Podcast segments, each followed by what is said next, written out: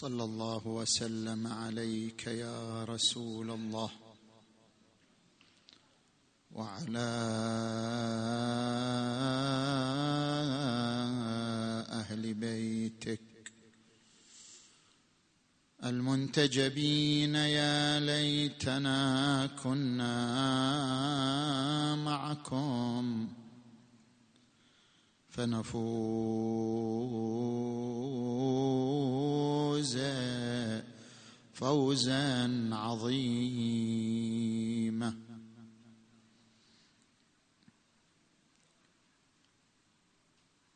يا برق إن جئت الغري فقل له أتراك تعلم من بأرضك مودع.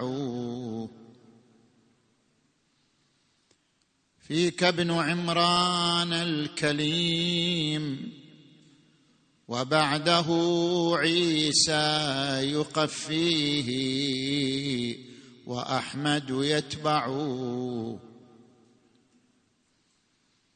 فيك الإمام المرتضى فيك الوصي المجتبى فيك البطين الأنزع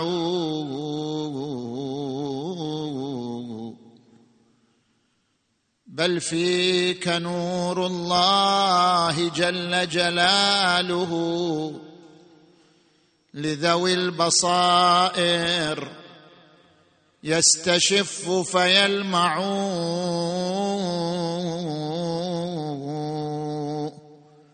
أنا في مديحك ألكن لا أهتدي. وأنا الخطيب الهزبري المصقع. أأقول فيك سميذع كلا ولا حاشا لمثلك أن يقال سميذع.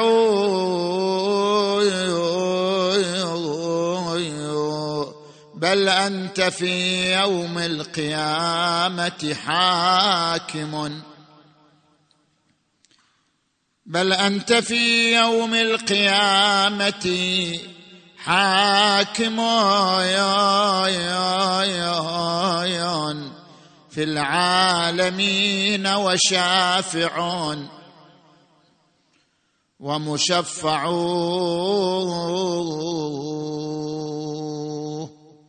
صلوا على محمد وآل محمد.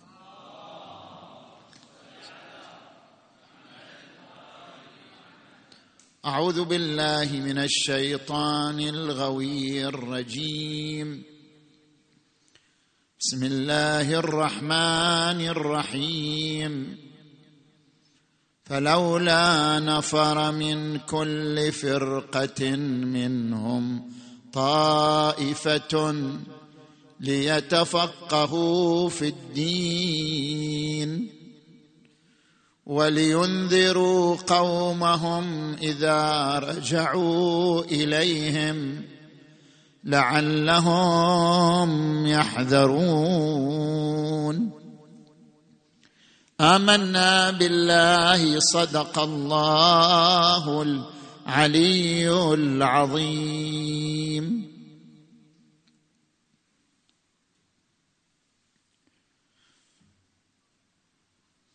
من أهم شؤون الإنسان المسلم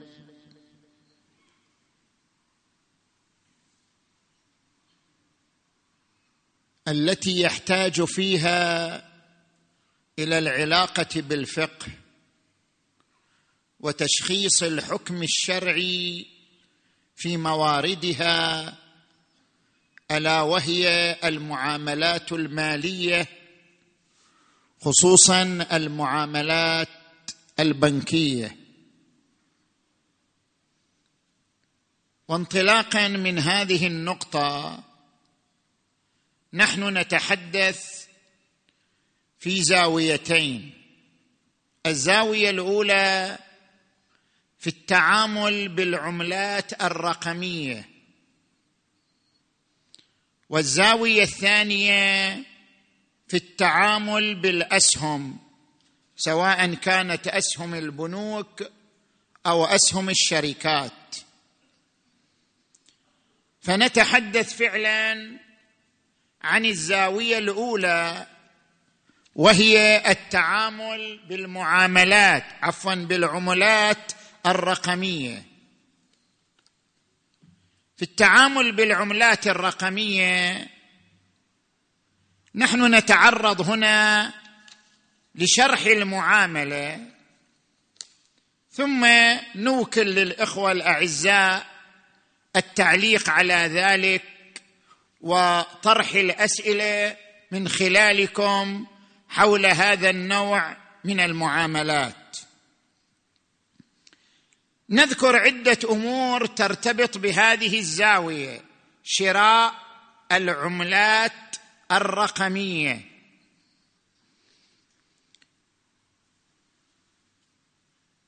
الأمر الأول في مؤتمر برشلونة ميتافيرس صمم على إدخال الإنسان بمعاملاته المالية في داخل العالم الافتراضي بحيث يشتري ويبيع كله في عالم الأرقام من دون أن تكون هناك أشياء ملموسة أو محسوسة. ونتيجة هذه المعاملات الرقمية في العالم الافتراضي أن لا أثر للقبض. خل أشرح لك هذه النقطة كيف أثرها على الحكم الفقهي. الآن مثلا أنت إذا أقرضت شخصا مبلغ افترض أنت تريد تقرض صديقك مبلغ فتحول من حسابك المبلغ إلى حساب صديقك أليس كذلك؟ أنت تعتبر نفسك أنك أقرضت صديقك. صديقك قال حول لي عشرة آلاف ريال دينا انت حولت من حسابك إلى حساب صديقك عشرة آلاف ريال. يشترط في صحة القرض القبض. هل قبض صديقك العشرة الآلاف لأنها حولت إلى حسابه فقهاء يختلفون. السيد الخوئي والسيد السيستاني يقولوا لا ما قبض شيء. يعني هذه العشرة الآلاف إذا تجي رأس السنة وصاحبك وصديقك ما تصرف في العشرة الآلاف بعد عليك خمسها لأنه لم يقبضها. لأن التحويل إلى الحساب ليس قبضا. بينما فقهاء آخرون كالشيخ التبريزي قدس سره يرى أن هذا قبض التحويل إلى الحساب قبض. ما دام يمكن للإنسان أن يتصرف فيه متى ما حول إلى حسابه يقدر يتصرف فيه بشراء ببيع بهبة. ما دام يستطيع التصرف فيه فهو قبض. اذا هناك خلاف بين الفقهاء. من يرى أن القبض حصل من يرى أن القبض لم يحصل فالقرض لم يصح. هذه عملية القبض وعدم القبض إذا تحولت المعاملات كلها عن طريق العالم الافتراضي بعد ينتهي. شيء اسمه القبض والحاجة إلى القبض. الآن افترض مثلا زكاة الفطرة. أنت تحول إلى حساب الفقير زكاة فطرة. يقول للفقير أنا أحول زكاة الفطرة إلى حسابك. تحولت زكاة الفطره إلى حساب الفقير. هل أنت دفعت زكاة الفطره على رأي السيد السيستاني والسيد الخوئي لا ما دفعت الزكاة. لأن التحويل إلى الحساب ليس اخراجا لأن الفقير لم يقبض لأن التحول إلى حسابه ليس قبضا. بينما فقهاء آخرون يعتبرونه قبض. خلاص. ما دام حولت إلى حسابه قبض زكاة الفطرة فخرجت عن ملكك ودخلت في ملكه. ولذلك مثل السيد السيستاني دام ظله يفرق بين الراتب والبدلات. مثلا موظف حكومي أنت موظف في الدولة. إلك راتب وإلك بدلات بدل سكن بدل علاج بدلات إحنا نسميها. ما إيش يسموها هنا؟ نعم؟ علاوات زين. بالنسبة إلى الراتب عليك خمسه لأنك تستحق على الدولة هذا المبلغ. أنت اشتغلت جاء آخر الشهر حولت الدولة الراتب في حسابك أم لم تحول؟ يعتبر أنت ملكت الراتب. لأنه حقك. هذا الراتب يجب خمسه إذا جاء رأس السنة. بينما البدلات أو العلاوات التي بحسب تعبيركم علاوات علاوات بدل سكن بدل علاج تأمينات معينة كلها شنو؟ كلها الدولة تدخرها لك أو تحولها على حسابك. ما في فرق. يقولون لا خمس فيها. سيد السيستاني السيد الخوي يقولون لا خمس فيها. يقول حولت إلى حسابي. يقول لا خمس فيها. لأنك لم تقبضها. وحيث لم تقبضها بيدك لم تدخل في ملكك. وحيث لم تدخل في ملكك فلا خمس فيها. يعني من هالجهة يريحوك أنت. بس من جهات أخرى صعب عليك. بينما الفقهاء الآخرون الذين يقولون التحويل إلى الحساب قبض خلاص أنت قبضتها دخلت في ملكك. فاذا الأمر الأول في العملات الرقمية أنها ستلغي بالمستقبل هذه المعاملات الرقمية ستلغي مسألة اسمها شنو؟ القبض باليد. ولذلك لا بد من معالجة هذه المسألة فقهيا لأن القبض باليد سينتهي. ما في شيء اسمه القبض باليد. زين هذا الأمر الأول. الأمر الثاني هناك تقريبا أربعة آلاف أو أكثر عملة رقمية. منها بيتكوين. هذا منها. الهدف من هذه العملات الرقمية ليش الناس تلجأ للعملات الرقمية؟ الهدف من ذلك شيئان. الشيء الأول التخلص من سيطرة البنوك الإمبريالية المهيمنة أو الشركات المهيمنة على هذا العالم عالم التجارة والاقتصاد. لأنه إذا الإنسان يضع ثروته في هذه البنوك المعروفة يصير رهين لها أسير لها. متى حصل انتكاسة اقتصادية كما حصلت عام 2008 النتيجة أنه لا يمكن أن يتصرف في ثروته لأنها في مثل هذه البنوك والشركات.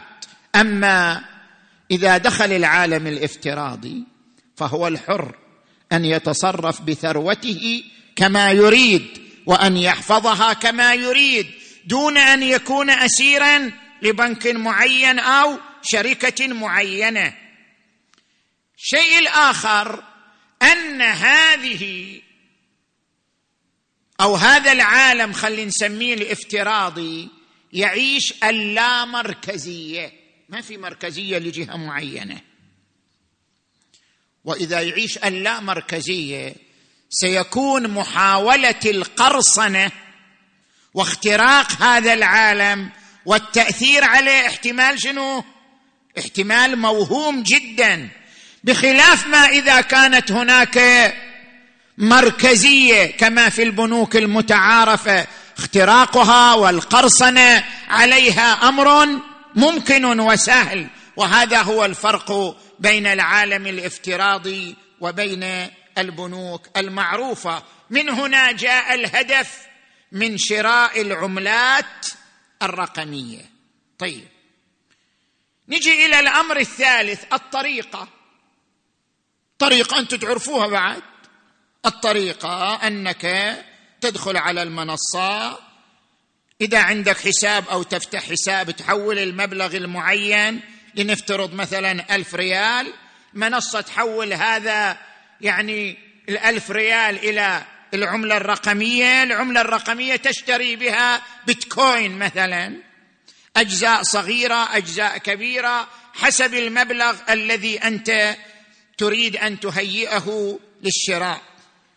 ثم يكون الأمر بيدك بيعا وشراء زين. البيتكوين نجي إلى الأمر الرابع. بيتكوين من أين تحدد قيمته؟ هذا الفرق بينه وبين أسهم. مثلا أنت الآن تشتري سهم من شركة المراعي مثلا. هذا السهم تتحدد قيمته بالأصول والمنتجات التي تملكها هذه الشركة. كلما كانت شركة المراعي أكثر انتاجا أصبح للسهم قيمة أعلى فقيمة السهم من شركة كشركة المراعي يتحدد بقيمة نفس الشركة بقوة نفس الشركة من خلال منتجاتها ومصنوعاتها. أما بالنسبة إلى البيتكوين أو العملات الرقمية تتحدد قيمتها صعودا ونزولا بقوانين العرض والطلب. يعني يصير مثلها مثل الذهب شلون؟ الذهب شلون تتحدد قيمته؟ كلما صار نادرا صار أغلى. أيضا هذه العملات الرقمية تتحدد قيمتها ارتفاعا وانخفاضا حسب قوانين العرض والطلب. كلما أصبح العرض أقل من الطلب كلما زادت قيمتها وإلا ليست قيمتها نابعة من أصول أو منتجات أو أشياء معينة وإنما هي ناتجة من عوامل العرض والطلب. زين.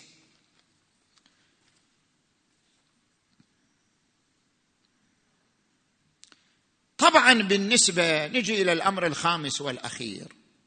هذه العملات الرقمية مثل البيتكوين. هذا لا يعني أنك تملك شيء فارغ لا. من خلالها تستطيع أن تشتري سيارة تستطيع أن تشتري أثاث تستطيع أن تشتري جهاز. بل هناك بعض الشركات تتعامل بها. يعني يمكن أن تشتري من هذه الشركة أي شيء من خلال بيتكوين وهي تحوله إلى العملة التي تريد الوصول إليها. فهي أمر ميسر ووسيط ميسر. بالنسبة إلى بعض الشركات وبعض لنفترض مثلا آه، البنوك ممكن أن تتعامل بذلك. زين. إحنا بعد أن شرحنا هذا الشرح المبسط لهذه المعاملة شراء العملات الرقمية إحنا الآن نعطي المجال لصاحب التخصص الأخ الأستاذ حسين داوود يشرح لعلكم أنتم تفهمون من خلال المصطلحات يشرحها عبر المصطلحات وبعدين نسمع إلى آه الأخ آه منتظر شوف الجانب الفقهي في هذه النقطة. تفضلوا. شكرا. سماحة سيد عدل عدل لا تخاف. شكرا سماحة السيد. سن الله بالنسبة للعملات الرقمية صوت صوت. بالنسبة للعملات الرقمية هناك كثير من الأدوات أيضا تستخدم من خلال من من قبل المستثمرين في شراء وبيع هذه العملات. أهمها ما يعرف بالرافعة المالية وحساب الهامش أو ما نقول عنه ال leverage و margin accounts. الرافعة المالية أو ال leverage هي أداة تتيح لك مضاعفة تعرضك للسوق دون الالتزام برأس مال إضافي. الرافعة المالية أو الليفرج يتيح استخدام الرافعة المالية للمستثمرين وتخصيص مبلغ مالي أقل للحسابات وتعمل الرافعة المالية على تضخيم كل من الأرباح والخسائر. تأتي الرافعة المالية بنسب مختلفة كواحد إلى اثنين واحد إلى خمسة واحد إلى عشرة وقد تصل إلى واحد إلى عشرين أو واحد إلى خمسين. كل رافعة المالية لكي تدخل فيها لابد يكون عندك حساب الهامش أو ال margin. وال margin هو عبارة عن وديعة تأمين التي يحتفظ بها الوسيط أو المنصة حتى يتم إغلاق الصفحة الصفقة أو المركز المالي. إذا صارت الصفقة ضدك بأكثر مما لديك في حساب ال margin أو حساب الهامش فسوف يقوم الوسيط تلقائيا بإغلاق تداولك. ويعرف هذا باسم التصفية أو ال liquidation. وهذا يعني أنك ستفقد الهامش كليا بالكامل. فلهذا من المهم جدا فهم كيفية عمل تداول حسابات ال margin وال leverage. ومن أجل تحديد مقدار الهامش الذي تحتاج أن تضعه في حسابك ما عليك سوى النظر إلى المضاعف المذكور في نسبة ال leverage فلنفترض لو كان لديك ألف دولار أو ألف ريال عماني في الحساب فبإمكان المنصة إذا أردت استخدام ال leverage بنسبة واحد إلى خمسة سيتم رفع القوة الشرائية لديك من ألف ريال إلى خمسة آلاف ريال. ففي حال ارتفاع السهم خمسة في المية أو العملة الرقمية خمسة في المية فبالتالي ربحك سيكون 250 ريال. ولو استثمرت فقط برأس مالك اللي هو ألف ريال بيكون ربحك فقط خمسين ريال. فلاحظ تم تضخيم الربح من خمسين ريال إلى 250 ريال يعني خمسة أضعاف. وأيضا في حالة إذا خسرت إذا راحت الصفقة ضدك ونزلت القيمة بخمسة في المية فإن خسارتك سوف تتضاعف من خمسين ريال إلى مئتين وخمسين ريال. طبعا لما المنصات تقدم هذه الخدمة أو هذه الأداة للمستثمر تقوم أيضا بوضع فائدة نسبية تكون على مدى ساعة واحدة. لأن كثير من المستثمرين يستخدمون هذه الأدوات غضون فترة زمنية ساعة إلى يوم واحد أو ممكن يتعدد. فكلما ازدادت الفترة الزمنية ازدادت نسبة الفائدة عليك. وإن كانت هي فائدة قصيرة جدا وقليلة جدا آه، على العملات الرقمية والتداول عليها. فلهذا مهم جدا فهم كيفية آه، عمل الرافعة المالية ال leverage مع الهامش اللي نحن نسميه margin accounts فالكثير آه، غير ملتفت إن عندما يستخدم هذه الأداة هناك في فائدة يتم تطبيقها عليك. وأيضا في حالة الخسارة فإن خسارتك ستكون متضاعفة بحسب الرافعه المالية والنسبة التي استخدمتها. فلو استخدمت واحد إلى خمسة فخسارتك ستتضاعف خمس مرات وكذلك ربحك سيتضاعف خمس مرات. هذا من ناحية هذه الأداة. منتظر. أحسنت أبو علي. شكرا سماحة السيد. آه، شكرا أبو علي على التوضيح. موضوع الرافعه المالية نحن بنأجل الحديث فيها أبو علي إلى الأسهم لأنه هي نقطة مشتركة أيضا. فنخليها هناك واللي عنده أسئلة في الرافعة المالية وبعد بنحطها في الأسهم. آه، سيدنا بالنسبة للعملات الرقمية ذكرتم إنه القبض ما يتحقق. فالحين إيش مصير هذه المعاملة فقهيا سيدنا؟ الناس تتداول موجودين والناس في الحضور أكيد مجموعة كبيرة تتداول في العملات الرقمية. ما يتحقق القبض فما حكم هذه المعاملة اذا الحين؟ المشكلة في العملات الرقمية بس افهموا لي هالنقطة. المشكلة في العملات الرقمية مو مسألة القبض. المشكلة في العملات الرقمية أنها مال أو ليست مال. هذه مشكلة يعني هي المشكلة الأساسية المحورية. خل الآن أنا أذكر عندنا اتجاهات فقهية ثلاثة في العملات الرقمية. الاتجاه الأول السيد السيستاني يقول أنا لا أرخص يعني عندي احتياط وجوبي. الاتجاه الثاني الذي يقول لا صن حرام. مو يعني حرام تكليفا يعني مو أنك ترتكب إثم. حرام وضعا. يعني المعاملة فاسدة المعاملة باطلة. ما ملكت شيئا. مو يعني أنك ارتكبت محرم تكليفي وإثم. لا. مقصود يعني أنك ما ملكت شيئا معاملة باطلة. وهذا رأي الشيخ الوحيد الخراساني. دام ظله. اتجاه الثالث يقول لا المعاملة صحيحة وهذا مال وما في أي إشكال. وهذا رأي السيد الزنجاني دام ظله. خل أشرح لك هذه النقطة. الذي يقول بأنه أنت ما حصلت شيء. معامله باطلة. زين؟ أو يستشكل في ذلك كالسيد السيستاني مثلا. دام ظله. ليش؟ خلينا هالنقطة نشرحها بعدين نعقب بالأمر الآخر. نجي إلى ألين نورمان عند كتاب إنجيل الاستثمار في العملات الرقمية. متخصص وكتب كتاب في هذا المجال إنجيل الاستثمار في العملات الرقمية. هذا يقول بأن بيتكوين مثلا ليس مال ولا عين من الأعيان ولا يعبر عن أصول أو منتجات أو أو شيء آخر. زين؟ ولا أنه يعبر مثلا عن برنامج. الإنسان يقول أنا بدفع مبلغ وبكتسب برنامج مثلا. لا لا يعبر عن برنامج لا يعبر عن ملف لا يعبر عن أموال أو أصول عينية. هو عبارة عن شبكة ضخمة. من المعاملات وسلسلة من التداولات. لأجل ذلك بما أنه لا يوجد شيء أنا أشتريه وإنما هذا عالم افتراضي مليء بالمعاملات والسلسلة من التداولات وإلا ما في شيء معين أنا أشتريه. اذا فقيه يقول لا معاملة باطلة. فقيه آخر مثل السيد السيستاني يقول أنا أستشكل ارجعوا إلى غيري ما عندي ما عندي ما عندي فتوى حاسمة في هذا الموضوع.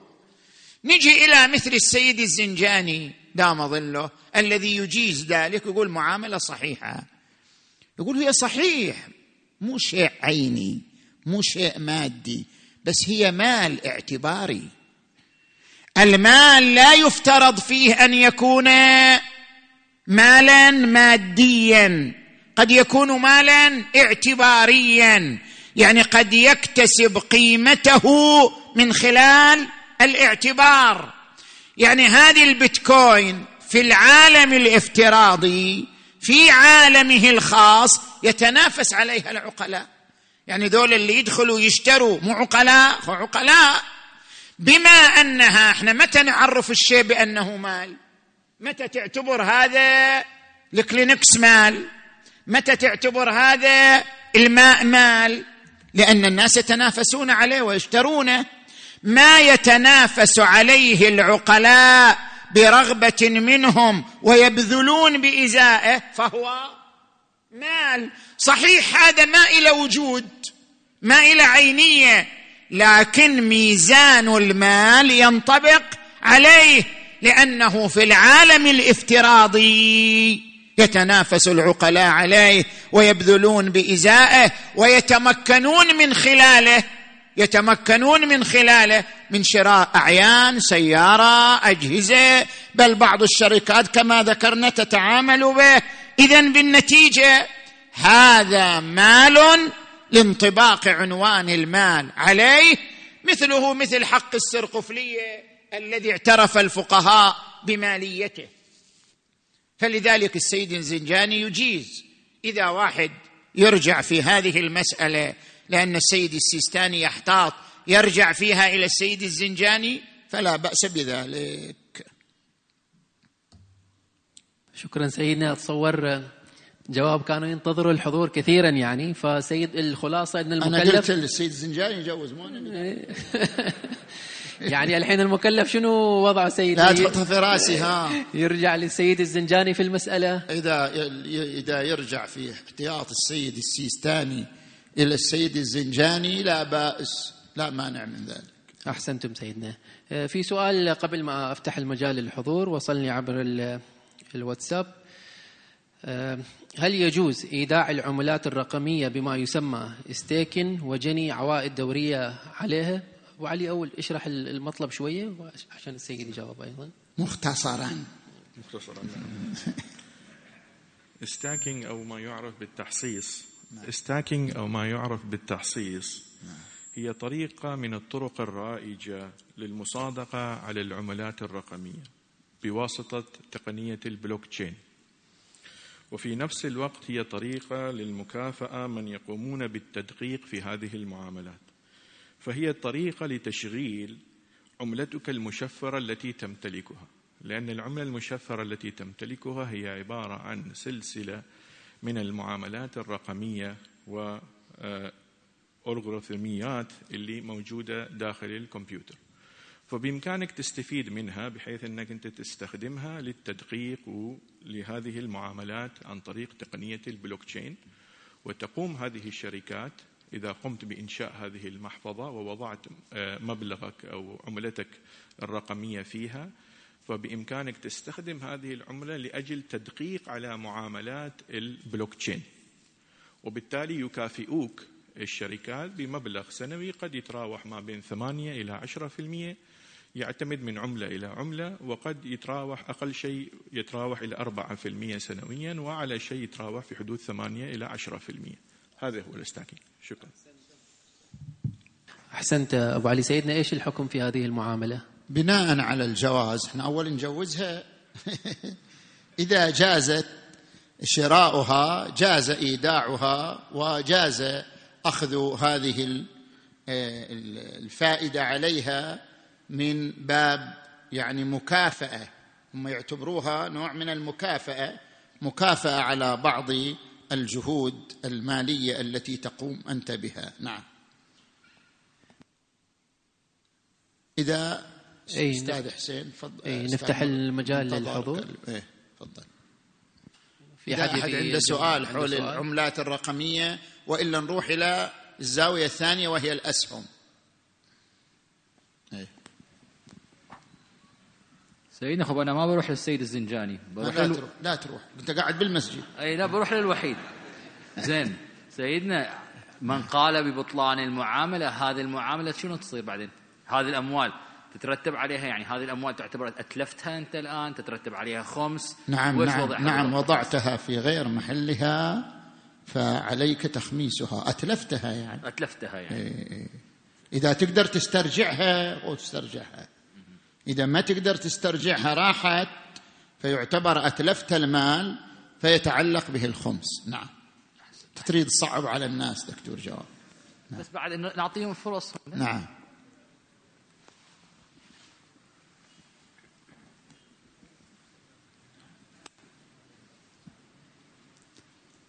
أه، سيدنا نفترض إنه أنا رحت للسيد سستاني فبالاحتياط الوجوبي رجعت للسيد الزنجاني. ومشيت على هذه الفتوى وامتلكت العديد من البيتكوينز والله وفقني وصرت مليونير. موفق بايد إن شاء الله. زين.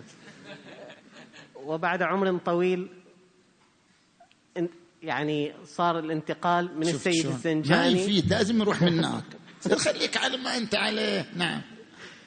زين رجعت إلى عالم لا يجيز ويرى ببطلان المعاملة. في احتمال يقولوا لي ترى كل الفلوس اللي أنت سويتها في إشكال ولازم ترجعها و يسوون لي مشكلة؟ أنت أنت الحين هذه الأموال ملكتها برؤية آه، يعني عالم معين أنت الآن ملكت هذه الثروة. صحيح. مثل أي معاملة يختلف العلماء في صحتها وكذا. بالنسبة للأموال السابقة التي أخذتها وصرفتها نتيجة هذه المعاملة خلاص انتهى. أما بالنسبة للأموال التي بيدك فعلا هذه الأموال طبعا اللي بيقول بأنها باطلة بيقول الأموال العينية واللي يقول أنت ما تملك شيء. اللي يقول أنها باطلة يقول أنت ما تملك شيء. يعني أنت تحسب نفسك مليونير وإلا أنت مفلس. أنت أصلا ما تملك شيء. هذا معنى باطلة بعد. فهو مريحك يقول لا عليك خمس. ولا تدوخ حالك. إيش أنت متأذي؟ إذا جاء العالم الثاني وقال باطله يعني قاعد يقول أنت فقير مسكين. لا عليك خمس ولا عليك مسؤولية. بعد أنت ليش متاذي من هذا؟ زين؟ غايته أنه إلى عمر طويل. خدا رحمة شكونات. إذا أنت توفيت وهذه الأموال موجودة في حسابك الورثة ما يقدروا يتصرفوا فيها ويحولوها إلى أعيان وأموال عينية إلا بالرجوع إلى الحاكم الشرعي. لا سيدنا أنا بكون صرفتها في أصول تدر علي مال مثل بنايات مثل أسهم مثل عقارات فهذا الإيرادات اللي ماكو إشكال. ماكو. إشكال. هذا مثل الرضا. يعني الآن مثلا باب المثال أنا أذكر. مو من باب التشجيع على هذه المعاملة من باب المثال أنا أذكر. لو أن إنسان مثلا من باب المثال لو أن إنسان عند بيده خمر أو بيده خنزير أو بيده كلب لا تصح المعاملة عليه صح لو لا؟ قال والله هذا ما تصح المعاملة عليه بس أنا ببيعه ما دام في واحد يشتري ببيعه زين؟ وقام باعه. البيع باطل. الطرف الآخر اللي أعطاك ثمن الكلب أو ثمن الخنزير أو ثمن الخمر راض بتصرفك فيه وإن كانت المعاملة باطل هو ما يهم المعاملة صحيحة باطلة في دينك أو في فقهك أو في تقليدك. فالآخر يقول لك أنا راضي بأن تتصرف في الثمن حتى لو كانت المعاملة باطلة. اذا سيكون الثمن ملكا حلالا لك لا بما هو ثمن بل بتمليك الآخر إياه. إياك ولو كانت المعاملة باطلة فتصرفك فيه صحيح. نفس الشيء في هذه المسألة مسألة البيتكوين. سماحة السيد زادكم الله علما وحلما شكرا. حلما ها؟ حلما؟ وعلما أي أي أي جبتها. آه، سماحة السيد البيتكوين في الحقيقة يعني مثل ما أنا أفهمه الفهم البسيط للناس عبارة عن وهم. لكن قيمة الوهم هذه أتت أنه الناس يتنافسون فيه وتتحول قيمة الوهم هذا إلى قيمة مالية. طيب الآن الناس يتنافسون في أشياء غير عقلانية أيضا يعني يعني آه، يرمون الملايين على تكرمون حذاء لبسه نابليون في عام 1800 فكون الناس يتنافسون عليه ما شيء منطقي بأنه يعطيه الحلية ولا يعطيه العقلانية. وأيضا كون أنه تتحول إلى مسألة مالية في كثير من الأشياء الناس آه، يتنافسون عليها وبعدين تتحول على أشياء مالية ثم تنقلب إلى وهم في وهم. فهل محصلة الكلام أننا إحنا نتحدث عن أشياء وهمية تتحول إلى مال ونقيم عليها كل الفتاوي هذا في الحقيقة هو وهم؟ وهذا تماما ما صار في آه، آه، أمريكا لما أصبحت تضخ وتطبع العملات المالية بدون غطاء ذهبي. أصبحت المسألة كلها فقاعة وانفجرت ودخل الناس في ديون وسجون ومشاكل. فهل إحنا نعطي وهما قيمة لا أساس لها؟ شكرا لكم. أحسنت. أنت الآن تأيد وجهة نظر؟ ما عندنا مشكلة. أنت الآن تؤيد وجهة نظر. بالنتيجة إحنا طرحنا ثلاث وجهات نظر صح لو لا؟ أنت الآن تأيد وجهة نظر تقول أنا بحسب تشخيصي أن البيتكوين مهما قيل عنها حتى لو أجمع العقلاء كلهم عليها فهي وهم. وتنافس العقلاء على الوهم لا يعطي الوهم قيمة حقيقية. فإذا ما إلى قيمة. أنت مقتنع بهذه وجهة النظر صح ولا لا؟ خلاص. بس هذا ما يعني إلغاء وجهة نظر الأخرى التي ترى أنه هذا ليس وهما بل تراه مالا. هذا اختلاف في وجهات النظر ما في مشكلة. سيدنا السلام عليكم. نعم. سيدنا آه، بالنسبة لرأي السيد السيستاني نعم. يعني كنا نسمع أنه متوقف لا يبدي رأيا. نعم. أنتم تفضلتم الآن أنه هو عنده احتياط وجوبي. نعم. فهل هو عدم إبداء الرأي؟ هو نفسه الاحتياط الوجوبي؟ أنا اللي أعرفه أنه احتياط وجوبي. سألني عن اللي أعرفه ولا لا هذا اللي أعرفه عنه نعم. يعني هكذا وصلنا أنه هو يعني متوقف اللي أعرفه أنا له أنت اللي آه. وصلك واللي وصلني لا أنا اللي أعرفه أنه احتياط وجوب ممكن أحسن. اللي وصل أحسن نعم. نعم. قبل ما ناخذ السؤال بعد عندي سؤال جايني من الأخوات آه، سيدنا آه، فيما يتعلق بالقبض الحين حد يسأل إذا أنا شريت البيتكوين نعم وبعت البيتكوين ربحا أو خسارة. وسيلت النقد واستلمته. خلاص أكون كذا قبضت المبلغ. صحيح فحكم المعاملة بعدين خلاص أنا حققت القبض. صح ما في مشكلة إحنا قلنا مو المشكلة في القبض. نعم. ما مشكلة. أحسنتم سيدنا. سيدنا نعم. رأي السيد الزنجاني ما يعطي اعتبار للعملة إذا كانت ما مقومة بأي شيء وراها؟ يعني هكذا عنده مقياس؟ يعني البيتكوين ما في هناك شيء أصول مثل ما تفضلتوا يقوم هذه العملة وإنما هم مجموعة من العقلاء تعارفوا على تداول شيء فهل هذا معيار في في آه، الحكم على شيء إنه هو ممكن يكون عملة مستقبلا؟ لا يعني هو هو هو السيد الزنجاني خب مو عالم اقتصاد حتى يقول يصبح عملة أو ما يصبح عملة هو بيصير عملة مستقبلا أو ما بيصير هذا شيء مرهون بعالم الاقتصاد نفسه. نحن نقول بأنه هل تصح المعاملة عليه بالبيع والشراء أو لا تصح؟ توني تقولوا يشترط في صحة المعاملة على أن يكون شنو؟ مال. المال لا يحدده الشرع. ما يجي الشرع يقول هذا مال. المال يحدده المجتمع العقلائي. ما يعد مالا عند العقلاء. صح البيع والشراء عليه. فنرجع إلى عالم العقلاء. هل عالم العقلاء يعتبرون البيتكوين في العالم الافتراضي؟ مو في عالم العين والمادة. هل يعتبرونه في عالمه الافتراضي مال يتنافسون عليه أو لا؟ هو حسب تشخيص نعم يعتبرونه كذلك. إذا يعتبرونه كذلك فهو. إذا إنسان عنده وجهة نظر آخر لا بس ماكو مشكلة. يعني الآن أنت بضرب لك بحق السرقفية مثال. يعني الآن افترض مثلا إحنا عندنا شركة شركة مثلا المراعي شركة معروفة. جيت أنا إلى صاحب الشركة وقلت له أنا أريد أشتري الاسم هذا اسم الشركة بس. اسم الشركة خب مو, مو عين من الأعيان. له كرسي وله سيارة وله أثاث اسم. أنا جيت إلى شركة المراعي قلت أريد أشتري الاسم هذا فقط هذا العنوان. أبذل لك مالا أبذل لك مثلا مئة مليون زين ريال في سبيل أن شنو؟ أن يكون لي حق استخدام الاسم. قال ما يخالف. أنت بذلت وحصلت على حق الاستخدام. تو وش حصلت الحين؟ حصلت شيء من الأعيان؟ حصلت شيء في الخارج؟ وش اللي حصلت؟ نفس الشيء. تبي تقول بالنتيجة بما أن هذا الاسم يتنافس عليه. بعدين إذا صار هو اسم شركتي رايح يجي المشترين إلي وتزداد ثروتي و و و و و و فهذا يعني أن هذا مال.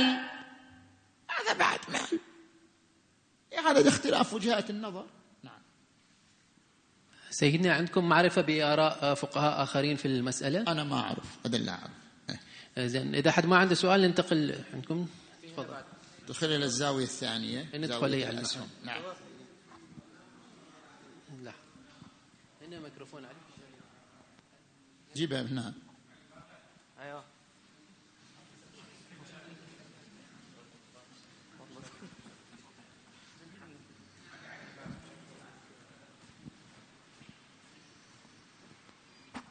آه، سيدنا بالنسبة نعم. في برنامج نقل على تلفزيون منار مصباح الشريعة نعم. آه، نقل أحد المشايخ أنا ما أستحضر اسمه الآن رأي سيد محمد سعيد الحكيم نعم. بالجواز بتداول العملات الرقمية ما لم يضر بالاقتصاد البلد نعم فهل له دخل آه، التداول باقتصاديات البلد مثلا البلدان؟ إيه نعم سمعت هذا الرأي صحيح أنه يقول يعني ما لم يضر باقتصاد بلد المسلم يعني لنفترض أن التعامل بهذه العملة يسقط قيمة البنوك الموجودة في هذه البلاد. ونتيجة سقوط قيمتها لأن الناس كلها تتعامل مثلا بالعملات الرقمية سوف تتأثر ثروات الناس التي كلها خلال من خلال هذه البنوك. إذا أضر بثروات بلد إسلامي فيكون فيه إشكال تكليفي. نعم. عفوا ناخذ آخر سؤال في المحور هذا لأنه عندنا أيضا مادة كبيرة في المحور الثاني بعد. أه سماحتنا أحسنتم جزاكم الله خيرا. سؤالي في العملات الحالية التي نسميها الفيات ماني العملات الريال والدينار وغيرها ولكن بالتعاملات الرقمية. معظمنا يمكن في هذا المسجد آه، لا يحمل في محفظته مالا وكلها عبارة عن بطاقات.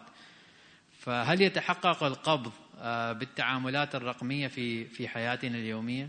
لا. نفس المشكلة. المشكلة هي المشكلة. مشكلة القبض تقصدون أنتم. مشكلة القبض واردة حتى في المعاملة عن طريق هذه البطاقة. غاية ما في الأمر أنه هو راضي صح لو لا؟ يعني أنا مثلا جيت إلى السوبر ماركت. أخذت من السوبر ماركت مثلا آه، علبة معينة.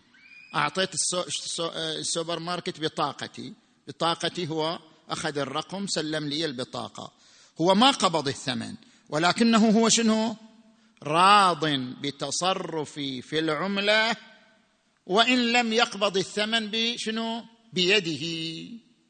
لا بأس بذلك. أحسنتم سيدنا ننتقل للمحور الثاني إذا نعم. تبدأون من عندكم أول. نعم. نجي إلى الزاوية الثانية ألا وهي زاوية الأسهم. زاوية الأسهم نتحدث هنا عن طريقين في التعامل بالأسهم. الطريقة الأولى هي الاتجاه الصاعد. ويسمى الاتجاه الصاعد بمجموعة الثيران أجلكم الله. في هذا الاتجاه يقوم مجموعة أو يقوم المستثمر بشراء الأسهم التي يعتقد أنها سيرتفع سعرها في غضون مستقبل قريب مثلا. وعندما يرتفع سعر ذلك السهم يقوم ببيعه بسعر مرتفع فيربح الفارق بين سعر الشراء وسعر البيع. زين. بالنسبة إلى هذه النقطة مسألة شراء الأسهم.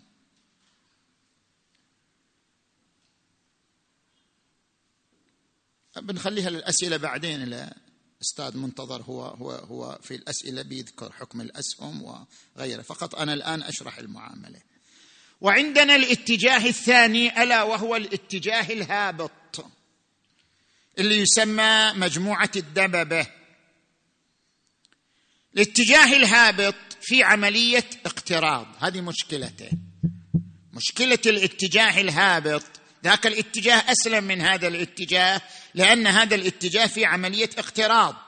يقترض المستثمر الأسهم التي يعتقد أنها سينخفض سعرها. قم الآن يقترضها. ويبيع تلك الأسهم بسعر السوق سعر الموجود يبيعها به. وينتظر إلى آن شنو؟ يقل السعر ثم يشتريها. فإذا اشتراها أعاد على المقرض الذي اقترض منه الأسهم أعاد عليه الأسهم الذي التي اقترضها منه. فيكون بذلك قد ربح مقدارا بين سعر السوق وبين ما اشتراه يعني السعر الذي اشترى به هذه الأسهم.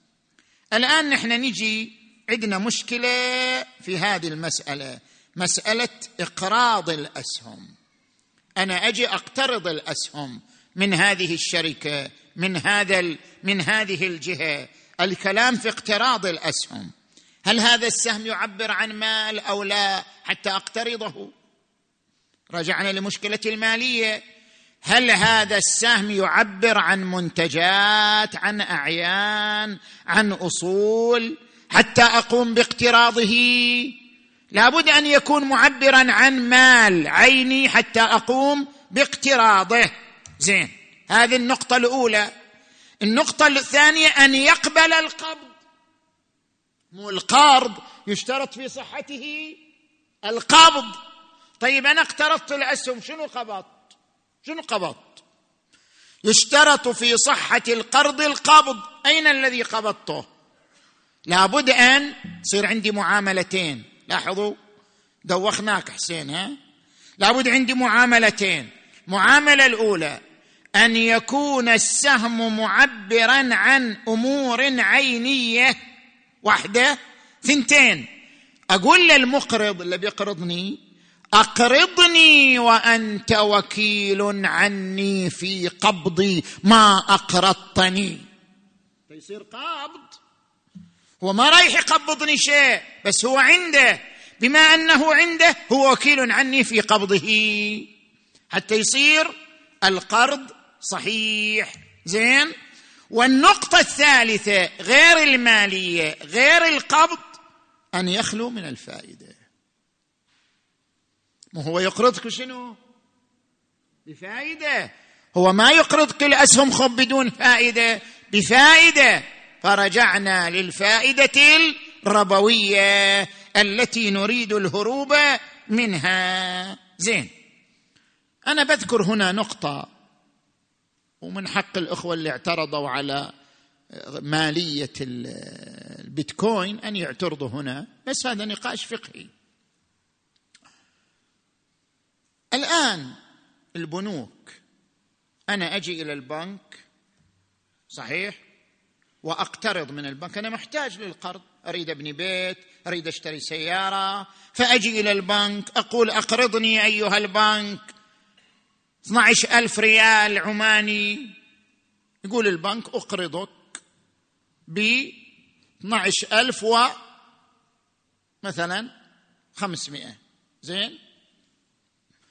500 هذه هل تعتبر فائدة ربوية أم لا؟ ركز معي على هالنقطة. أكو خلاف فقهي هنا. سيد الخوئي سيد السيستاني يقول فائدة ربوية هذه. قرض كل قرض جر نفعا فهو ربا. رواية. كل قرض جر نفعا فهو ربا. هذا جر نفع إنما جاء الربا من قبل الشروط وإنما تفسده الشروط. واشترط عليك فائدة هذا ربا. في فقهاء آخرين يقولوا لا هذه مو ربا. شلون مو ربا؟ يقول لك ها هذه اللي ياخذها الفائدة الخمسمائة. جزء منها تدارك لخسارة التضخم. والعملة بمرور الوقت شنو؟ يصير فيها تضخم. إذا صار فيها تضخم تقل قيمتها جزء مما يؤخذ منك هو تدارك لخسارة شنو؟ لخسارة التضخم. فهو ما جاي يستفيد هو جاي يدارك الخسارة مو جاي يستفيد. هذه واحدة. والجزء الآخر منها أجرة. أجرة لموظفين وهو بنك. شنو هو؟ صندوق خيري.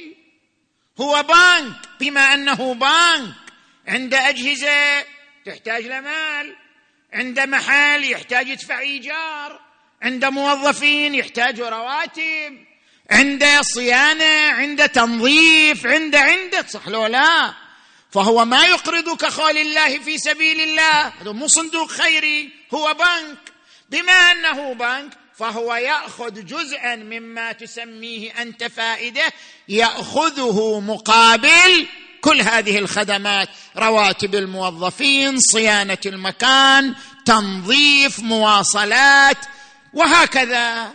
اذا لم يدخل في جيب المقرض فائدة وإنما ذهبت هذه هذا المبلغ ذهب مقابل هذه الخدمات. لذلك سيد الخميني قدس سره سيد الزنجاني دام ظل يقولوا هذا ليس فائدة وليس من باب الربا في شيء. والسلام.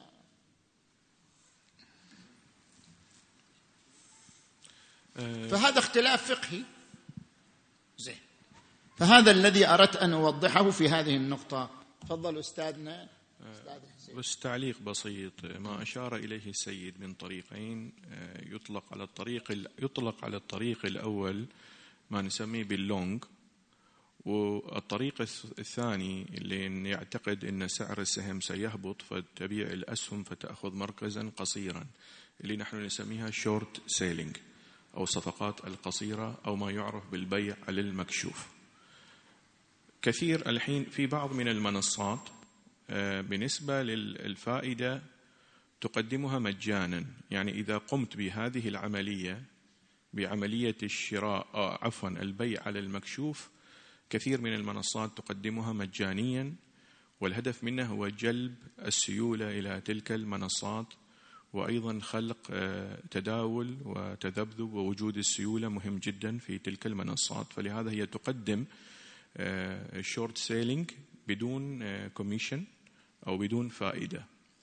فهذا الشرط سماحة السيد قد يكون آه، يسقط آه، شرط الفائدة القرضية ولكن يبقى الشرطين. شكرا. أستاذ آه زين سيدنا نبدأ أول شيء بالسؤال هذا من من ال short selling. سيدنا فإذا قلنا إنه ال short selling هذا البيع على المكشوف فيها فائدة ربوية ففيها إشكال في المعاملة. لكن إذا فعلا حصلنا على منصة إنه هي آه، تقدم المعاملة مجانية فهل الحكم يتغير؟ فماكو إشكال إذا تجاوزنا قضية المالية والقبض. زين آه، أحسنتم سيدنا. سيدنا في أسئلة كثيرة جتني أنا هنا في في موضوع القبض والخمس بس آه، يعني هي ما متعلقة بأصل الموضوع. ما دام ما متعلقة بأصل الموضوع خلوها يعني إذا حبوا الجماعة جلسة أخرى نخليها جلسة أخرى. ممتاز إيه. أحسنتم سيدنا. زين نبدأ ببعض الأسئلة والإثارات اللي متعلقة بشراء الأسهم.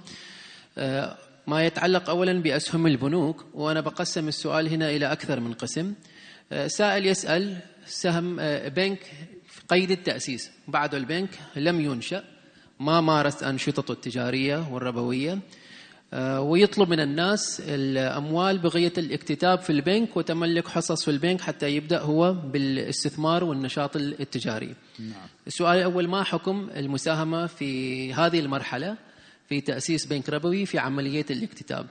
هذا السؤال الأول وبعدين بروح للأسئلة الأخرى سيدنا. يعني شراء الأسهم للبنك الذي هو في مرحلة الاكتتاب لا مانع منه بس هو ببيعة قبل. يشتريه وبيعة قبل أن يمارس البنك شنو؟ أنشطته. ما دام البنك بعده هو في مرحلة التأسيس وما مارس الأنشطة أنا اكتتب أنا أكتتب أشتري هذه الأسهم وأبيعها قبل أن يمارس البنك أي نشاط. هذا لا بأس به لا مانع منه ما في مشكلة. سيدنا حتى لو قلنا أنه أنا الحين جالس أساهم في إنشاء كيان ربوي؟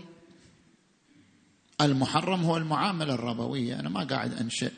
قاعد أدخل في المعاملة الربوية لا لا من قريب ولا من بعيد. أنا أساهم في عفوا أنا أشتري سهما من بنك سيكون ربويا إذا تأسس لكنني سأبيع سهمي قبل أن يدخل في أي معاملة ربوية. فأنا لم أدخل في صراط المعاملة الربوية. ماكو إشكال. روح إلى غيره زين سيدنا إذا افترضنا أنه اكتتبت في أسهم البنوك وانتظرت وبدأ البنك نشاطه. نعم. ما الحكم؟ أها. إهن اسمعوا عاد. اسمعوا وعوا هنا فرق بين الحرمة التكليفية والحرمة الوضعية. الحرمة التكليفية يعني الإثم والحرمة الوضعية يعني حصلت شيء لو ما حصلت. من ناحية الحرمة التكليفية أنا الآن اشتريت أسهم من البنك. شنو معنى اشتريت أسهم؟ يعني صرت شريك في البنك. شراء السهم يعني أنني شريك في البنك بنسبة معينة. هذا معنى شراء الأسهم. طيب إذا صرت شريك في البنك كل معاملة يقوم بها البنك أنا شريك فيها. أنا شريك. هذه المشكلة. البنك عندما يبرم أي معاملة قرض اقتراض بيع فهو يقوم بها عن جميع الشركاء ومنهم أنا. تقول أنا والله غير خليت في البنك ألف ريال ما خليت شيء زايد. وهناك هوامير في البنك اللي عنده مليون ولا عنده كذا أنا وين أنا وينهم؟ ماكو فرق. هم شركاء بنسبة مليون أنت شريك بنسبة مئة ريال كلكم شركاء. أي معاملة يقوم بها البنك فأنا شريك فيها. فإذا البنك قام بمعاملة ربوية المعاملات كلها لحظية بعد. هم ما ينتظر ما ينتظرني البنك. هو البنك بمجرد اشتريت السهم في خلال ثانية البنك قام بمعاملة ربوية. أنا صرت شريك في المعاملة الربوية. كيف الخلاص؟ الخلاص. حتى تتخلص من الحرمة التكليفية. وهي الاشتراك في المعاملة الربوية. السيد السيستاني يقول أن تكتب رسالة للبنك. أيها البنك المحترم أنا لا أجيز استخدام أسهمي في المعاملات الربوية. حتى لو أنت تدري أن البنك بيضحك عليك وبيضحك على رسالتك وبيقول هذا واحد مغفل ما يدري عن الدنيا. المهم أنك تخلصت من الحرمة التكليفية. أن توصل رسالة إلى البنك يستلمها مدير البنك زين؟ أو في موقع البنك وأنت واثق بأنهم يطلعون عليها أنني شريك معكم بنسبة عشر ريال. لكنني لا أجيز استخدام أسهم التي بعشر ريال في المعاملات الربوية. حتى لو كانوا يضحكون عليك أنت تخلصت من الحرمة التكليفية. هذا بالنسبة للحرمة التكليفية. بالنسبة للحرمة الوضعية يعني أنا شريت بعد خلاص. أنا اشتريت والبنك استخدم هذا السهم. جاءتني أموال. جاءتني أرباح. زين؟ إذا جاءتني الأرباح بعد أن اشتريت جاءتني أرباح الأسهم. هذه أرباح الأسهم بعد لازم نفصل فيها. بنك مسلم غير مسلم حكومي أهلي مشترك كل فيها تفصيلات.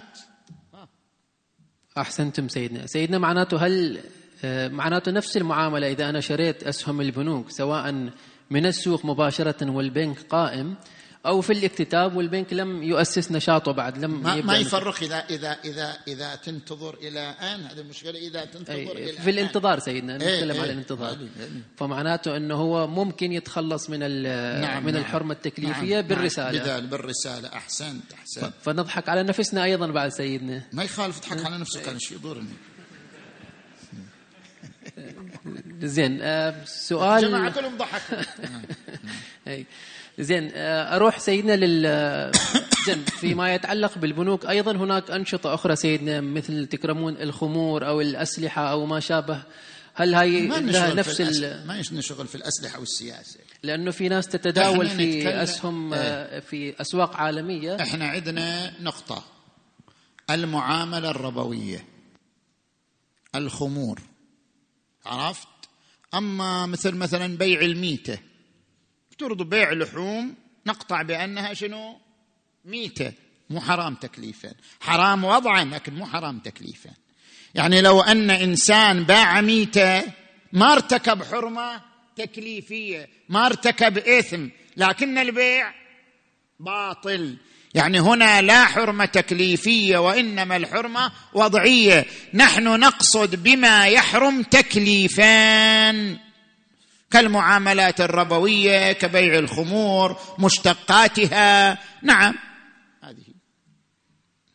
أحسنتم سيدنا. زين سؤال آخر أيضا تكرر وجوده في في المسجات إنه زين ما هو الحكم الشرعي إنه نشتري شركة مدرجة في أسواق الأسهم نشاطها قائم على الاستثمار أيضا في الأسواق في الشركات المدرجة في الأسواق. جزء من استثماراتها في قطاع البنوك الربوية أيضا. ترجع. أنت يعني بس لفيت. سواء اشتريت أسهم مباشر من البنك أو اشتريت من شركة والشركة لها أسهم في البنك ما يفرق الحال. بالنتيجة أنت اصبحت شريكا في البنك بواسطة نرجع إلى نفس الطريقة. حتى لو بنسب قليلة سيدنا. آه. أنا بأجي لها النقطة النسب القليلة والنسب الكبيرة. لو واحد يقول أنا اخو اشتريت الآن وش بيجيني من الربح أنا؟ أنا ما عندي في البنك هذا إلا مئة ريال. شنو نسبة الأرباح اللي بتجيني؟ شنو نسبتها؟ واحد بالمليون واحد كم؟ بينما إذا أنا لا عندي في البنك مليون نسبة الأرباح تختلف. فعندما تأتيني نسبة ضئيلة من الأرباح جدا ها هذه النسبة الضئيلة اللي جاءتني جاءني في الشهر ريال واحد. هذا الريال واحد بالألف من الريال هو ناتج عن معاملات شنو ربوية. أنا خب. لأن البنك عنده معاملات أخرى وهذه الشركة لها معاملات أخرى. فالعائد الحاصل من المعاملة الربوية من هذا العائد الذي وصلني قد يكون واحد بالألف. هل هذا أيضا حرام؟ يعني هل هذا حكمه كذا؟ نقول نعم لو شخصت لو فعلا شخصت أن هذا فيه يعني في هذا الريال نسبة من عوائد المعاملات الربويه لو شخصت ذلك نفس الشيء. هذا المقدار لازم تخرجه صدقة. لأنه هذا مجهول مالك تخرجه صدقة للفقراء لازم. أما إذا ما شخص تحتمل. تحتمل. هذا الاحتمال بيصير موهوم. كل ما زاد رصيدك في البنك صار احتمال أن يكون جزء من الأرباح والعوائد. من عوائد المعاملات الربوية بصير الاحتمال أكبر. وكلما قل رصيدك سيكون الاحتمال متضائل إذا صار الاحتمال موهوم جدا يعني أنا احتمال واحد بالمئة عندي أن في هذا عوائد معاملات ربوية. إذا الاحتمال موهوم لا يضر. يجوز لك تملك المال كله. سيدنا ما اتضح مقصودي أو اتصور واضح اتصور سيدنا. لكن خلينا نقول سيدنا الحين أنتم ذكرتوا عملية إخراج المال على شكل صدقة. نعم. بعض الأسواق تطرح مصطلح التطهير. تطهير نعم. تطهير. آه، تقول إذا إذا أنت دخلت في أسهم شركات جزء من إيراداتها يأتي من أعمال مثلا غير محللة فما يضر إذا كانت كثيرة لكن طهر الجزء اللي تعتقد أو اللي تحسبه إنه هذا الجزء قادم من المعاملات الربوية. هذا اللي سميناه الحرمة الوضعية. فهل الحين تقصدون إيه؟ نفس الكلام؟ هذا المقدار أنت ما تملكه بما أنك لا تملكه اذا فهو مجهول المالك بما أنه مجهول المالك مصرفه الفقير. معناته إنه أقدر أشتري في أسهم هذه الشركات أيضا. قلنا الحرمة التكليفية لازم نتخلص منها. بالرسالة. بالرسالة. إذا تخلص من الحرمة التكليفية بقيت الحرمة الوضعية لو وصل إليه عائد من المعاملات المحرمة كالربوية أو بيع الخمور أو نحوه هذا العائد بما أنه مجهول المالك هذا شنو؟ يتصدق به على الفقراء. أحسنتم سيدنا. انتقل إلى محور ثاني في في موضوع الرافعه المالية وبعدين نفتح المجال مرة واحدة للحضور على البنوك والرافعه الماليه ما في وقت ما تكون رافعة وحين المجلس لازم نرفعها برافعة بعد. أروح في الرافعة سيدنا ولا لا؟ ما أدري يعني كيف يعني قصدي تفتح المجال الآن للسؤال من أخلصها بشكل بس مختصر سيدنا لأنه موضوع مهم. يلا تفضل. الرافعة المالية مثل ما شرح الأستاذ حسين داوود أبو علي موجودة في كل مكان تقريبا في قطاع سواء الأسهم أو العملات الرقمية أو العملات العادية. هي أداة مثل ما ذكر أستاذ أبو علي ممكن تقترض مبالغ لتضخيم الربح. لكن في المقابل أيضا فيها آه، مخاطر عالية ممكن تؤدي إلى خسارات عالية. فسيدنا هل يجوز تجوز هذه هل تجوز هذه المعاملة وهي معاملة أيضا قرض؟ هذه المشكلة يعني.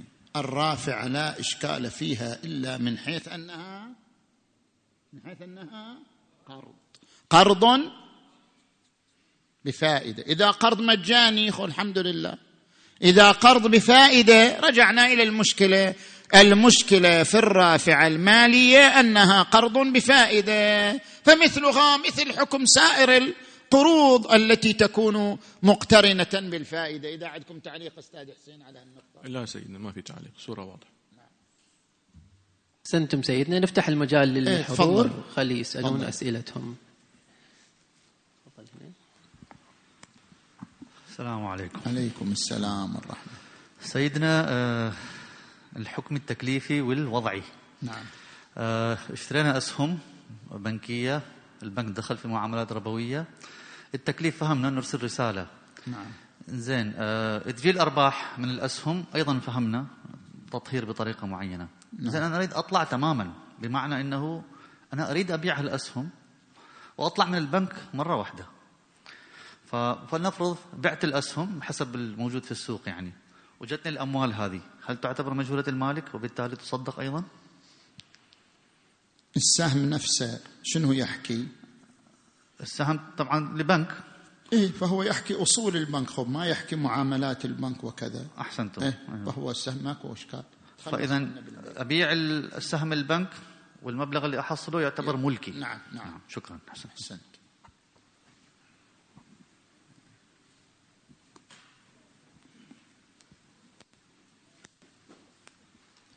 أحسنتم سيدنا. أحسن سيدنا في. أيضا جزء متعلق بهذا البيع بالمكشوف عادة الوسيط هو يقوم بعملية الإقراض بدون علم المالك. يعني أنا أشتري وعنده أسهم مالي وشخص ثاني يبيع على المكشوف فيأخذ اسهمه ويعطيه كأنه وسيط بدون علمي.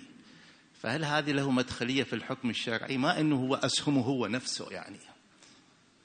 اشرحها لنا أستاذ حسين ما أنا ما فهمت النقطة. كيف يكون وسيط يعني؟ يعني يقصد بها إن المنصة آه، مثلا فيها أناس حاطين أسهم. الوسيط بدون علم المقترض يأخذ هذه الأسهم ويقرضها لشخص آخر المستثمر اللي يريد يروح برضاه بعدم يعني بعدم اطلاعه. عدم اطلاع من؟ عدم المقترض الأصلي. الذي يملك حقيقة الأسهم. يعني يعني يتداول بها من دون علم المقترض نعم الأصلي؟ نعم. لا لا بأس لا يضر لا يؤثر في المعاملة الشيء. نعم.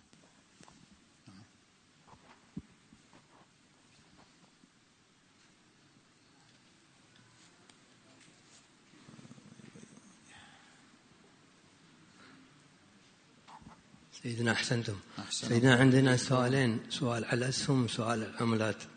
سامحونا شوي نرجع فيه. بالنسبة للأسهم هل الاستثمار في الأسهم للبنوك الأجنبية رأس مالها للمش... للمش... للمشركين تماما يعني مية في المية؟ ما رأس مالها لمن؟ للمشركين. ما في مشركين. يعني بنك مثلا في الخارج. أها أنت بتستثمر فيها في عمان مثلا. نعم. فهل يجوز في هذا؟ بعد قلت سؤالين. آه بالنسبة للعملات. نعم. بالنسبة للعملات يعني هي مسألة مستحدثة. فإيش رأي آه، مكتب سي أو سيد الخوي في هذا في لمقلدي سيد الخوي؟ نعم. لمقلدي سيد الخوي بالنسبة ليس عند السيد الخوئي استفتاء حول العملات الرقمية فالباقي على السيد الخوئي يرجع فيه إلى المرجع الحي في هذه المسألة لأنه ليس عنده فتوى أو جواب في العملات الرقمية. نعم. أه بنجاوب على سؤال أستاذ. مسألة البنوك الأجنبية. إحنا نجي الآن إلى البنوك الأجنبية. أنا عندما أتعامل هذا التقسيم بنك كافر وبنك مسلم. هذا التقسيم إلى واقع الآن في زماننا يعني أنا أسألك سؤال. يعني حتى البنوك المعروفة بنك فرنسي بنك بريطاني بنك أمريكي يتداول فيها المسلمون وغير المسلمين. صح ولا لا؟ وكل من تداول فهو شريك فيها. يعني هذا البنك اللي اسمه بنك بريطاني ما صار يعبر عن بنك كافر لأنه بالنتيجة كثير من أسهمه لشنو؟ لتجار مسلمين. ربما يكون بعضهم أصلا مليونير يعني أصلا مستحكم في البنك وهو مسلم. بالنتيجة صار تقسيم كافر وغير كافر ما بيأثر على المطلب شيء. إنما خل أوضح أنا نقطتين. النقطه الأولى أنني تارة أنا أتعامل مع جهة كافرة. واضحة.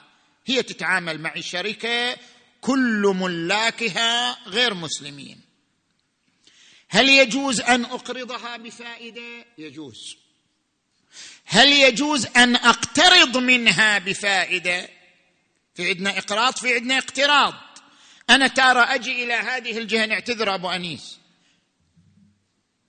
أقول نعتذر يعني طولنا عليك الليلة شوية نعم. تارة أنا أقرضها بفائدة.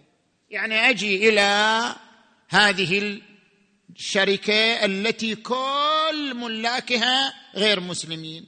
أقول أنا أقرضكم بفائدة. يجوز. كما ورد في الرواية الصحيحة ليس بيننا وبين أهل حربنا ربا.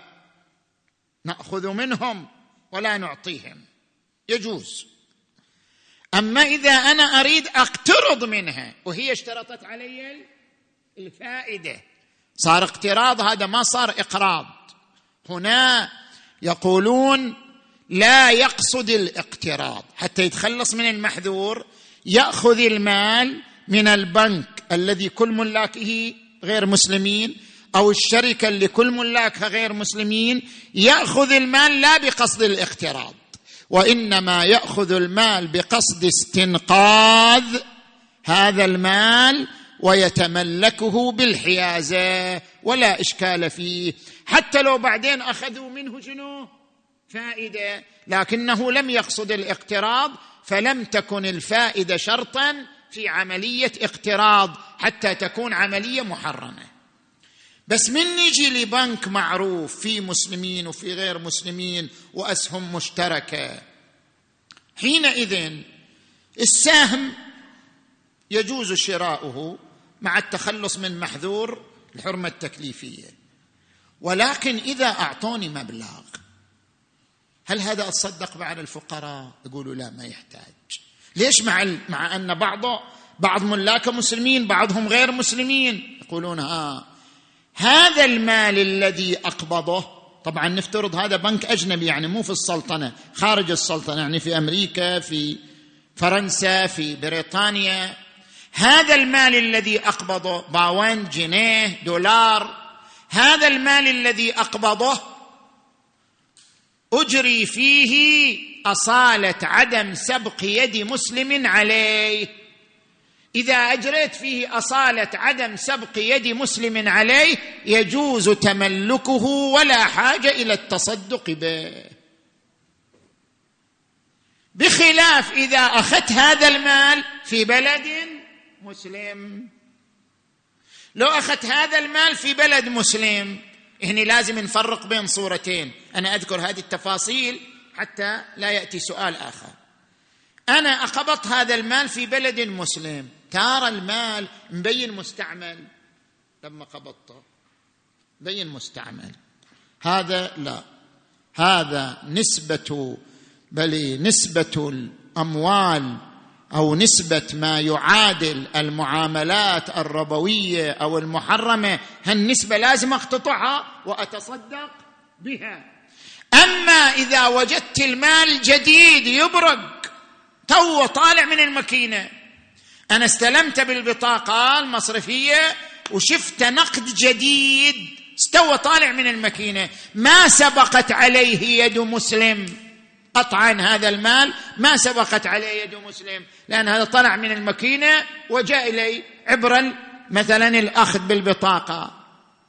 بما أنه مال جديد سيد السيستاني يقول هذا يعتبر ملك للدولة يجوز التصرف فيه في إطار نظام الدولة ولا حاجة للتصدق به ولا بنسبة من صار معلوم تفضل هنا أول عفوا عمي نبدأ هنا أول. تفضل. تفضل.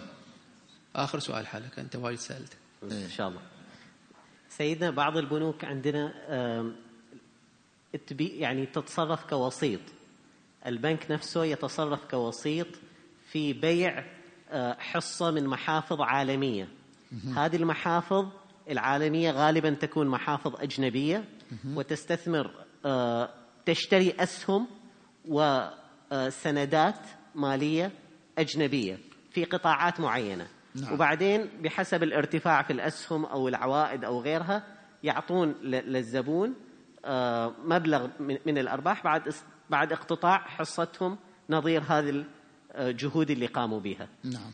السؤال من شقين هل أنا يجب علي فحص الأنشطة بما أنه المتصرف لأنه صاحب المحفظة اللي يدير المحفظة غير مسلم. فهل يجب علي أنا كمكلف الفحص عن هذه الأنشطة قبل الاستثمار في هذا المكان؟ هذا واحد. الشيء الثاني إذا كان لها سندات إيش المخرج من هذا؟ في مخرج؟ بالنسبة إلى الجزء الأول أو الشق الأول حسب تعبيرك أنت بدل ما تفحص عن الأنشطة افحص عن الملاك إذا تقدر تعرف. صح؟ لو قدرت تعرف من خلال موقع هذا البنك أو موقع هذه الشركة ملاكها الرئيسيين ملاكها المتحكمين فيها وعرفت أن كلهم غير مسلمين بعد ترتاح من هذه الجهة. إذا لا فلا بد أن تتعرف من خلال الأنشطة. فإذا وثقت بأن نسبة النشاط الربوي أو المحرم افترض نسبة واحد بالمئة بحيث يكون احتمال احتمال واحد بالمئة. إذا الاحتمال معتد به تتصدق بمقدار ما احتملت إذا الاحتمال مو معتد به موهوم. لا حاجة إلى التصدق. عفوا. نجي إلى الشق الثاني وهو مسألة شنو؟ السندات. السندات بعد في حكم القروض بعد. عفوا سيدنا. تعليق بس على مداخلة حسين.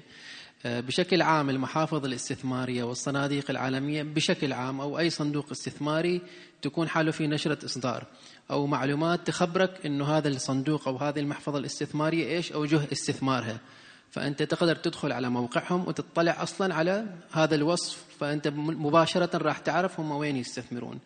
وأيضا المحافظ والصناديق الاستثمارية يفصحون عن بعض ما يمتلكونه كأبرز ما يمتلكونه فممكن تطلع أيضا على هذه الأمور بدون يعني ما يحتاج الوسيط يخبرك هاي متاح للجميع يعني. ناخذ آخر سؤال لأنه الوقت راح. إيه. سيدنا العزيز سؤالي في الاستقراض. نعم. أنا لو أريد أشتري سيارة خوش. قيمتها عشرة آلاف ريال. سيارة مباركة إن شاء الله. إن شاء الله. أعطيك أنت بعدين. نعم. زين. أخذت أريد سيارة عشرة آلاف ريال. أروح عند البنك بنك يقولوا نحن نعطيك عشرة آلاف ريال. لكن ترجعنا بالفائدة خمسة عشر ألف ريال الإجمالي نعم. هذا واحد. أنتقل من هنا من البنك أروح شركة تمويل. شركة تمويل يقول نحن نعطيك عشرة آلاف وعلى إضافة خمسة عشر يعني نفس الشيء مثل البنك. الفارق إيش بيناتهم؟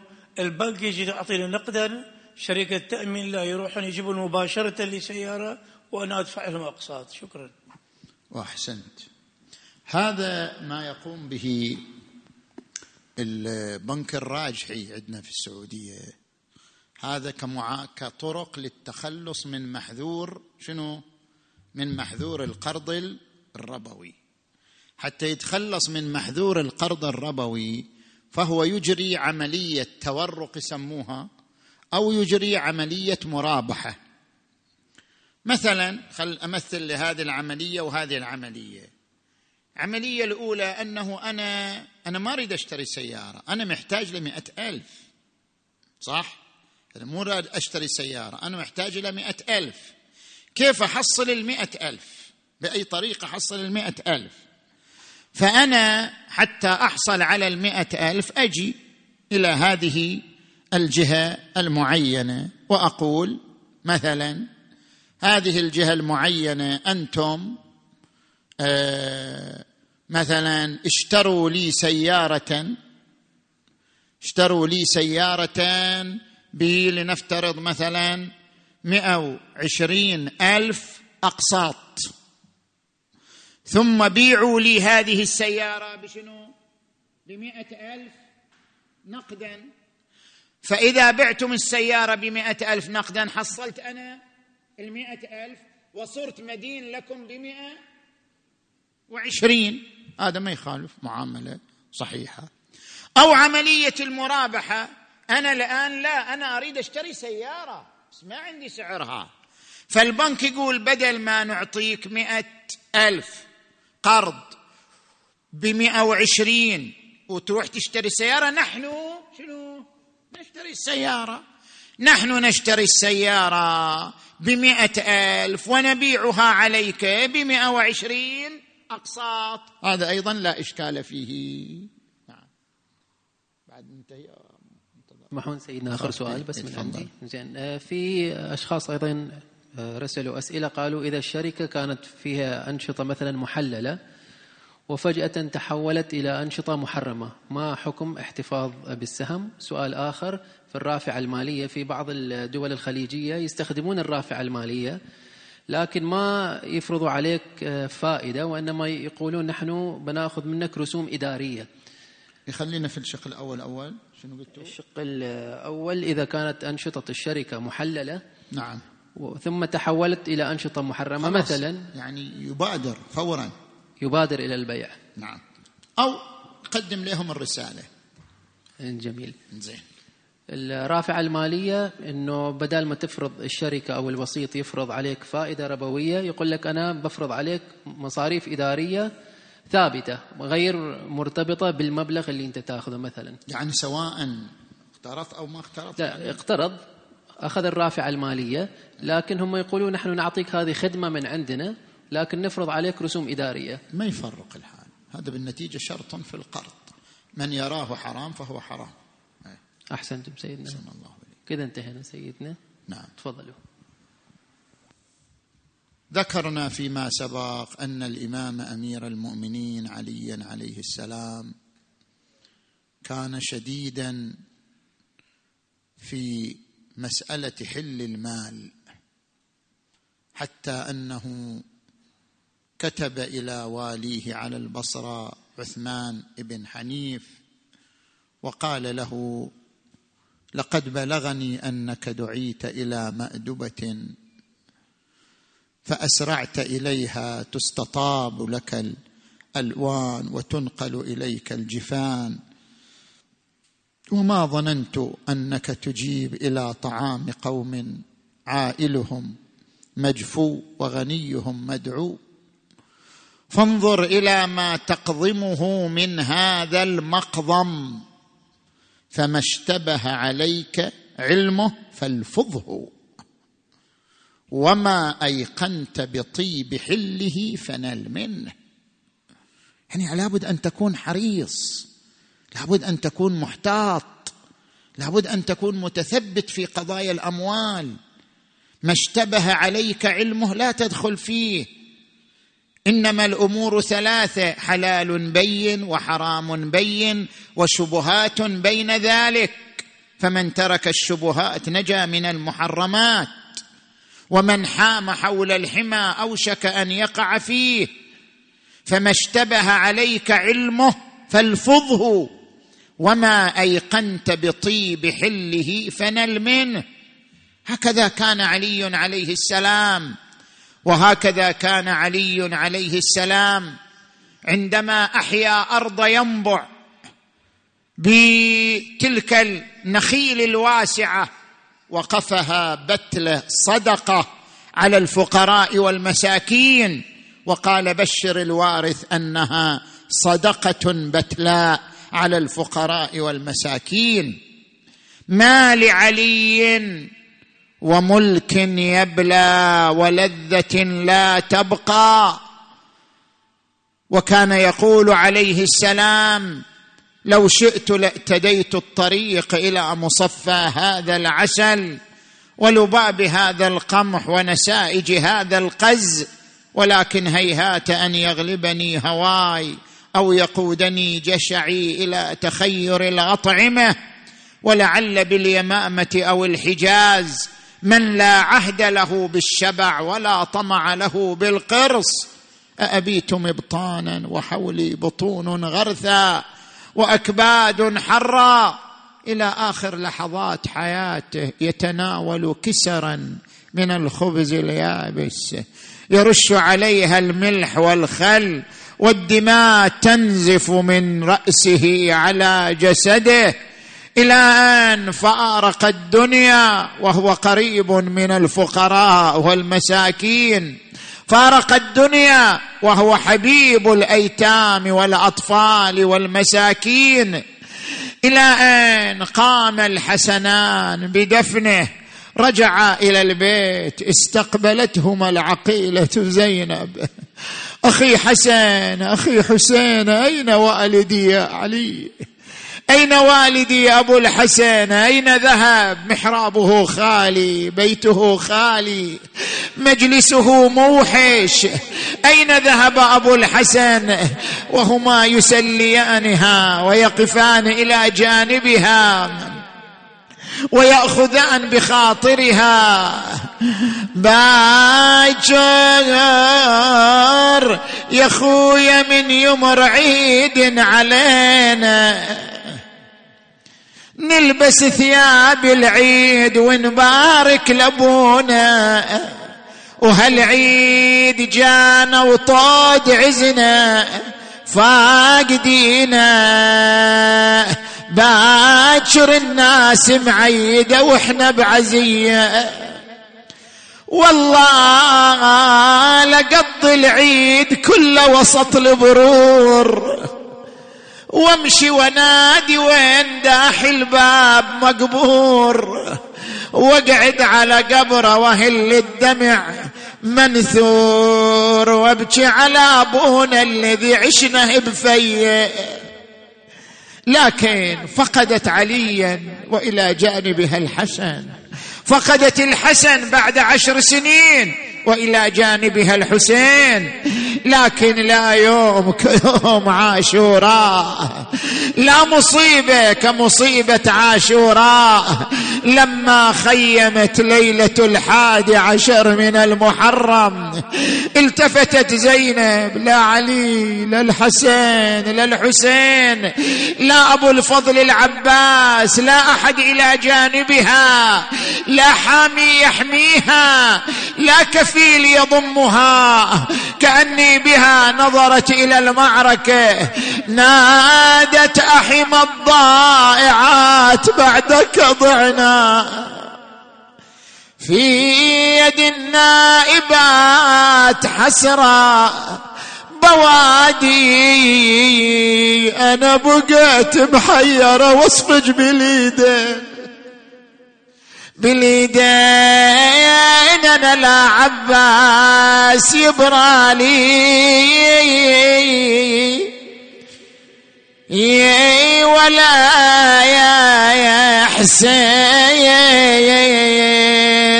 أنا يضربوني من أبكي وتدمع العين وتبقى عبرتي بصدري. تكساير هكذا زينب. ومن قبل كانت بفنا دارها تحط الرحال يا الله. اللهم بحق أمير المؤمنين وسيد الوصيين اغفر ذنوبنا واستر عيوبنا وكفر عنا سيئاتنا وتوفنا مع الأبرار. واجعلنا في هذا الشهر الشريف من عتقائك من جهنم. وطلقائك من النار وسعداء خلقك بمغفرتك ورضوانك يا أرحم الراحمين. اللهم صل على محمد وآل محمد. اللهم كن لوليك الحجة بن الحسن. صلواتك عليه وعلى آبائه في هذه الساعة وفي كل ساعة. وليا وحافظا. وقائدا وناصرا ودليلا وعينا حتى تسكنه أرضك طوعا وتمتعه فيها طويلا. برحمتك يا أرحم الراحمين. الليلة القادمة ليلة القدر. ستكون القراءة الساعة التاسعة. إن شاء الله تعالى يعني يتقدم الوقت إن شاء الله. وإلى أرواح أمواتكم وأموات المؤمنين والمؤمنات الفاتحة تسبقها الصلوات.